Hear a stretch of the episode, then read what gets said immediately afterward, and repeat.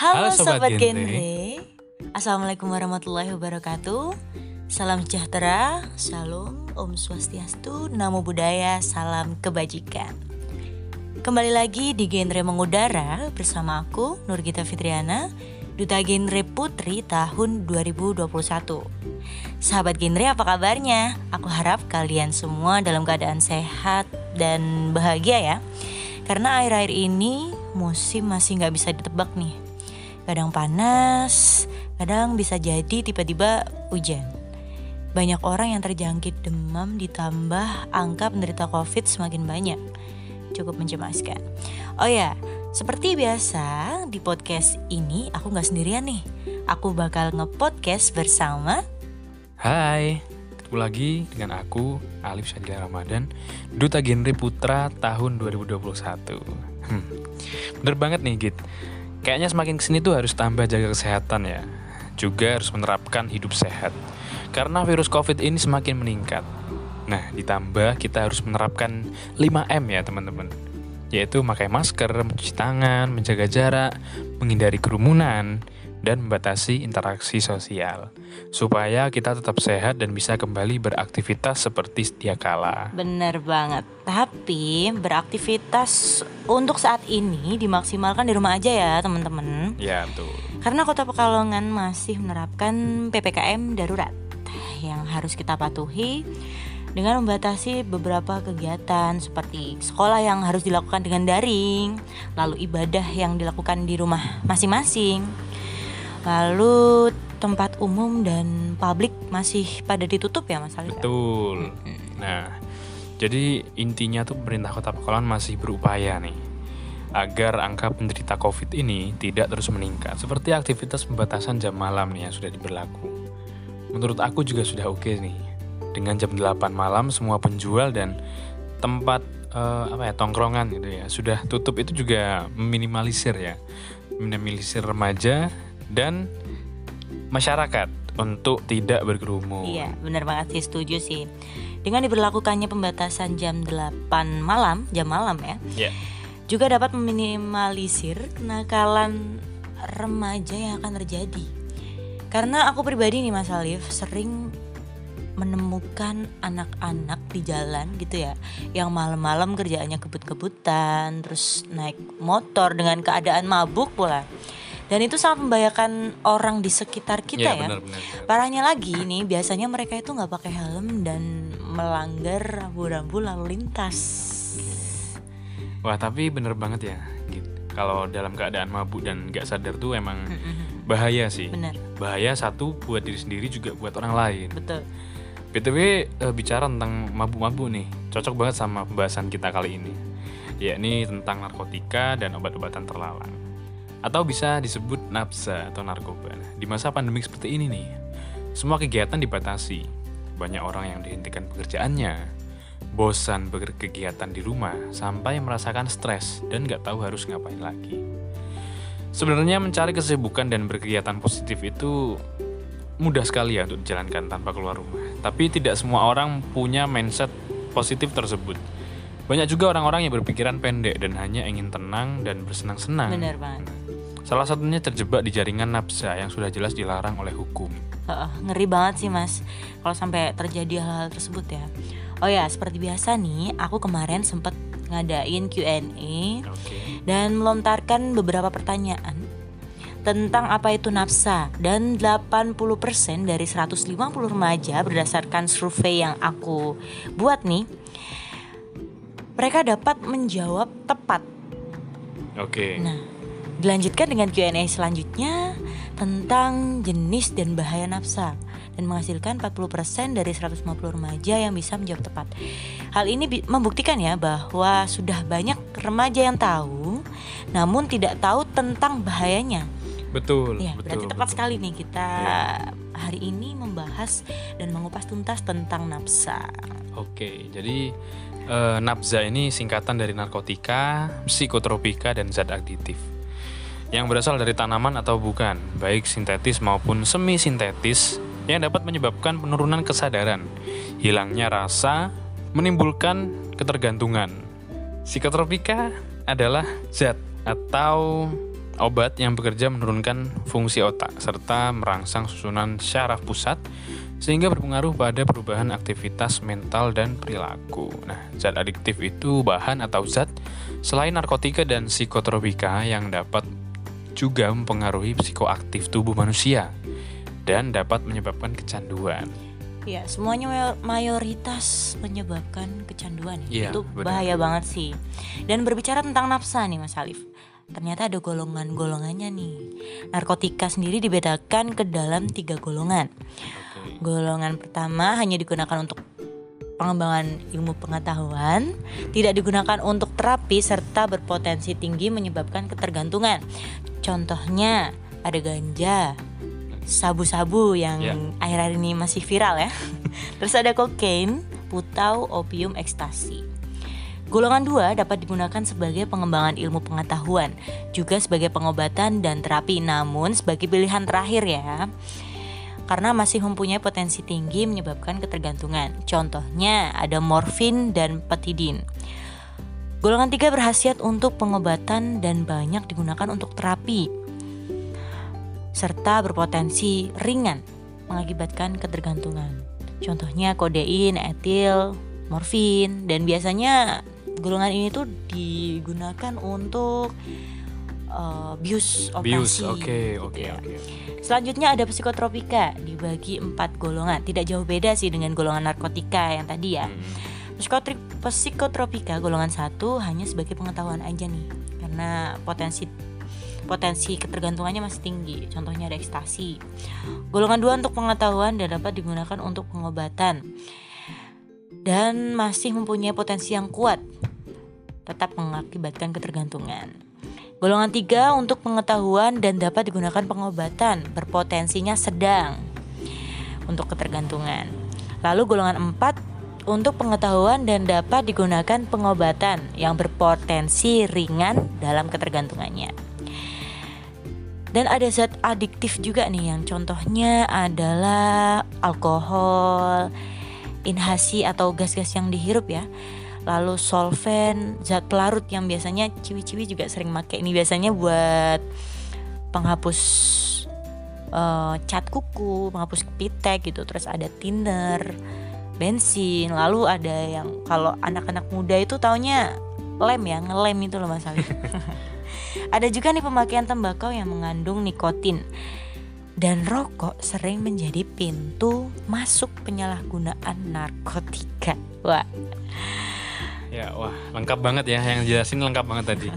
Luar biasa. Tapi bicara tentang rokok nih, itu dapat menjadi pintu masuk ya bagi narkoba. Ini menjadi pembicaraan yang pro kontra sih di kalangan masyarakat. bener banget sih. Apalagi seorang perokok. Nah, sebenarnya kenapa sih rokok bisa dibilang sebagai pintu masuk Narkoba. narkoba? Mhm. Ya, karena rokok dikonsumsi dengan cara dihisap. Bener. Sama kayak kita konsumsi narkoba, ada salah satu kasus nih yang menggunakan eh, tembakau super cap gorila. Wah. Iya, iya. Yaitu salah satu jenis narkoba yang dapat dioplos eh, bahkan digunakan sebagai pengganti bahan dasar rokok. Oh gitu. Iya. Mhm. Jadi tembakau gorila sendiri itu jika dilihat secara awam itu kita gak bisa bedain nih sama Mhm. tembakau biasa atau rokok biasa. Mhm. Karena wujudnya emang sangat sama persis ya sama rokok biasa dan untuk bedainnya tuh harus ngelewatin uji lab. Berarti harus orang yang di Iya, bidangnya ya. Iya, udah Benar, ahli. benar. Nah, apalagi dengan dikemas secara baik dan rapi seperti rokok biasa tuh, Mhm. ini yang menjadikan rokok menjadi pintu masuk narkoba karena bisa mengelabuhi pengkonsumsinya. Iya, benar banget. Berarti pengetahuan tentang tentang narkoba atau nafsa ini harus dikencarkan banget ya Mas Aldi? Bener tuh. Karena Iya, jika harus. tidak, nanti teman-teman yang nggak tahu nih atau nggak paham bisa banget jadi korban orang-orang yang tidak bertanggung jawab. betul. Nah, ada juga nih Mas Alif hal-hal atau efek yang disebabkan oleh narkoba. Apa nih? Yang pertama, ada stimulan yang menyebabkan organ tubuh seperti otak dan jantung terangsang untuk berke- bekerja lebih cepat sehingga menyebabkan efek ketagihan bagi para penggunanya. Yang kedua ada depresan yaitu menekan atau mengurangi fungsi neuron dalam sistem syaraf pusat eh, mempengaruhi di otaknya ya sehingga menyebabkan aktivitas sel otaknya menjadi melambat atau bisa tertidur. Nah, depresan ini nih kemarin sempat yang aku jadiin Q&A nih Mas Oke, Alif. oke. di Instagram ya. Mm-mm, Jadi teman-teman yang menyebabkan tenang dan rileks mengantuk itu jenis depresan ya. Buat teman-teman yang masih salah nih, wajib banget berarti untuk mendengarkan po- podcast kita berdua sampai akhir. Sampai. Benar. Lalu selanjutnya ada halusinogen yang dapat memicu otak untuk melepaskan serot serotonin. Eh, yang dapat menimbulkan efek halusinasi, mempengaruhi emosi dan pikiran yang berlebihan. Jadi semua yang dilihat itu seperti nyata. Hmm, pantas aja ya, gak, gak, gak sedikit orang yang eh, pakai narkoba karena efeknya itu sangat luar biasa. Bisa menghilangkan lelah, menghilangkan stres dan eh, bersenang-senang dengan hayalannya. Aku juga pernah baca nih tentang kasus efek halusinogen. Jadi ada warga negara asing di suatu desa yang sedang mencari makanan. Nah dikasihlah sama warga setempat tuh jamur kotoran sapi yang mungkin sudah diolah menjadi magic mushroom. Itu masih viral tuh Mas. Nah, juga itu masih ramai juga. Nah, udah. Dan magic mushroom ini mengandung zat psilocybin yang menyebabkan halusinasi. Nah, WNA WNA itu tuh ketawa-ketawa dan apa pun yang dilihatnya terlihat nyata dan lucu. Jadi secara tidak sadar saking bahagia di- dia tercebur ke sungai yang akhirnya merenggut nyawanya. Wah, ngeri banget tuh. Mungkin saking bahagianya ya, mundur-mundur dan dia gak sadar ada sungai di, Ngefly ya, sekit- ngefly. di sekitarnya sampai merenggut nyawa. Nah, ternyata nggak hanya itu nih Mas Alif. Dampak dari penggunaan narkoba juga bisa berpengaruh di fisiknya, mental, perilaku dan masa depannya. Bener banget. Dampak dampak eh, apa namanya? Fisik tuh bisa dilihat ya. Ada berapa ini sih eh, contoh. Yakni ada yang pertama tuh berat badan turun drastis. Nah, jadi kalau lihat temen kurus wah ini narkoba nih. Enggak gitu. Enggak juga ya? konsepnya. Kemudian yang kedua ada kulit muncul bintik-bintik kemerahan seperti digigit nyamuk dan ada bekas luka yang mungkin disebabkan karena seringnya mengkonsumsi narkoba dengan cara disuntik. Iya, iya. Ha-ha, benar-benar. Nah. Kemudian ada mata terlihat cekung dan merah, muka pucat dan bibir kehitam-hitaman serta buang air besar dan kecil tidak lancar gitu. Nah, eh, selain fisik nih, eh, ada juga dampak mental nih yang biasanya ditandai dengan sangat sensitif dan cepat bosan, membangkang bila ditegur atau disahiti, mudah marah dan emosi bahkan tidak ragu untuk memukul, Wah, melakukan kekerasan. Ngeri, ngeri. Nah, dan nafsu makan tidak menentu. Iya, benar. Tadi ada dampak fisik dan mentalnya. Iya. Selanjutnya ada dampak dari perilaku pengkonsumsinya nih Mas Arif. Yang pertama ada malas yang terlihat dari orang tersebut dan sering lupa akan tanggung jawabnya. Lalu sikap tidak peduli dan jauh dari keluarganya. Lalu sering mencuri dan berbohong untuk bisa agar dia bisa membeli obat terlarang tersebut lagi. Lalu selalu kehabisan uang, suka di tempat yang sepi, gelap dan menjauhi dari orang-orang gitu ya. Introvert gitu ya. Lalu sering mengalami batuk dan pilek berkepanjangan. Bicaranya jadi cadel dan berjalannya juga jadi sempoyongan. Biasanya nih, pengkonsumsi narkoba atau nafsa ini takut sama air. Jadi dia malas mandi karena badannya mungkin terasa sakitnya. Ya, yang tadi air gitu ya. Nggak- karena kan sering memakai Mm-mm. yang cara suntik mungkin seperti itu Lalu sering mengeluarkan keringat yang berlebihan sering mimpi buruk dan mengalami nyeri pada kepala dan sendi dan terakhir berdampak pada masa depannya sudah dipastikan pengkonsumsi narkoba itu akan kehilangan masa depannya karena kesehatannya sudah terganggu dan pasti akan tersangkut dalam hukum negara. Nah, jelas kan banyak banget ya dampak negatif yang dihasilkan setelah mengkonsumsi narkoba. Nah, jadi ini tuh be- beberapa faktor yang menyebabkan se- seseorang terjerumus di jaringan narkoba. Yang pertama ada faktor diri sendiri. Yang awalnya kepo, coba-coba jadi keterusan. Betul. Lalu kurangnya iman, ingin diterima di lingkungan, ikuti gaya, dan ingin mencari kesenangan, kemudian lari dari masalah. Nah, yang kedua ada faktor keluarga nih. Hubungan keluarga yang kurang harmonis dan kurangnya edukasi dapat menyebabkan seseorang terjerumus dalam jaringan narkoba. Betul. Faktor ketiga adalah faktor lingkungan dan masyarakat, di mana tempat belajar dan lingkungannya nih biasanya berada di lingkungan orang-orang yang mengkonsumsi narkoba. Ngeri ya. Bener. Kurangnya pengawasan dan sosialisasi, tidak ada kepedulian masyarakat dan kurangnya keberanian masyarakat untuk melapor. Ya untuk speak Iya up sih, berani. benar. Mungkin takut diancam Takut, atau ada betul. masyal- masalah yang akan muncul gitu ya. Benar, benar. Dan melihat berbagai faktor dan bahaya narkoba nih, menurut Mas Alif gimana sih cara pencegahannya? Oke, jadi eh, pencegahan narkoba itu banyak ya sebenarnya. Iya. Eh, tergantung dari masing-masing diri kita aja, gitu. Eh, tapi cara pencegahan narkoba itu agar gak masuk di sekitar kita adalah penerapan 8 fungsi yang keluarga yang pertama. Betul, itu Nah. tips yang sangat inti ya, Ya. keluarga. Ada ada slogan nih mengatakan bahwa eh, rumahku adalah surgaku. Sedikit namun mempunyai arti yang mendalam. Di mana keluarga mempunyai peran penting untuk seseorang. Dengan menerapkan 8 fungsi keluarga yang meliputi fungsi agama, sosial budaya, cinta kasih, perlindungan, reproduksi, sosialisasi dan pendidikan, ekonomi serta lingkungan. Nah, dapat menciptakan keluarga yang harmonis dan berkualitas. Sesuai tagline BKKBN. Nah, itu dia. Tapi gimana sih kalau kita sudah terlanjur eh, mengkonsumsi narkoba? Iya, mungkin ada yang punya problem seperti itu ya. Sudah terlanjur menggunakan narkoba gimana nih? Ya, jika sudah terlanjur mengkonsumsi nih teman-teman, yang dilakukan keluarga atau kerabat sekitarnya adalah yang pertama merangkul dan mendampingi.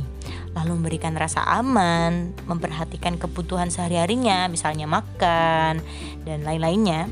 Lalu memutuskan ikatan pengedar dan penggunanya kita giring ke aktivitas yang lebih positif Betul. lagi gitu ya. Lalu memotivasinya, lalu mengalihkan perhatiannya ke minat dan bakatnya tadi nih, bener banget biar dia nggak kepikiran masuk terjun ke situ lagi. Benar biar ada kegiatan. Hmm, jadi harus lebih produktif. Yang terakhir ada melapor ke pihak yang berwajib. Nah, gimana nih jika keluarga sendiri yang kena? Masa dilaporin? Kan jadi panik ya. ya kemarin aku sama Mas Alif sempat nih ikut seminar tentang narkoba yang dinarasumberi oleh Kepala BNN Batang. Beliau mengatakan ada dua cara yang berbeda. Yang pertama, jika keluarga melapor dengan sukarela, pengguna atau pengkonsumsi narkoba dapat direhabilitasi secara gratis tanpa publikasi dan dipidana. Dan yang kedua dengan tertangkap tangan yang ada yang pengkonsumsi tersebut akan dimasukkan penjara dan dipublikasikan. Iya. Jadi jika salah satu keluarga kalian nih ada yang terjerumus dalam jaringan narkoba, lebih baik dilaporkan secara sukarela ke pihak yang bersangkutan biar bisa diurus dengan baik dan direhabilitasi. Betul banget. Wah, gak kerasa ya kita udah panjang lebar ngomongin betul. tentang apa Nafsa. eh, nafsa dan narkoba nih. Melihat banyak sekali bahaya yang disebabkan nih. Maka dari itu jangan pernah eh, kita masuk ke dalam dunia itu ya Betul, betul. tanpa anjuran dokter. Karena eh, untuk obat-obatan tersebut tuh biasanya sesuai dengan anjuran dokter Mas Ali. Oh iya. iya. Biasanya ada buat- kepentingannya ya Ah, ah, untuk medis, untuk medis. terapi, penelitian. Ya, gitu kalau ya. berlebihan itu nggak boleh. Itu Oke, biasanya oke. dinamakan penyalahan guna penyalahgunaan Betul betul betul. narkotika tersebut. Eh, aku ada sedikit apa namanya ajakan nih Gimana? closing statement lah. Iya. Ayo teman-teman sayangi dirimu, sayangi keluargamu, stop narkoba dan jauhi nafsa. Iya, terima kasih sudah mendengarkan podcast Genre Mengudara sampai akhir. Dan buat kalian yang masih pengen tahu lebih dalam dan masih kepo, kalian bisa drop pertanyaan melalui Instagram kita ya. Atas nama Kalau aku eh, di @alifrmdhn2. atau bisa ke @nurgita_fitriana ya, ditunggu DM kalian. Oke, atau bisa juga email ke alifbackup2@gmail.com. Nah, sekian obrolan dari kami. Terima kasih. Kita mohon maaf apabila ada kesalahan kata dan kalimat yang bersifat menyinggung. Sekian dari kami. Saya Alif Sadia Ramadan. Dan saya Nurgita Fitriana. Sampai, jumpa. Salam genre. Wassalamualaikum warahmatullahi wabarakatuh.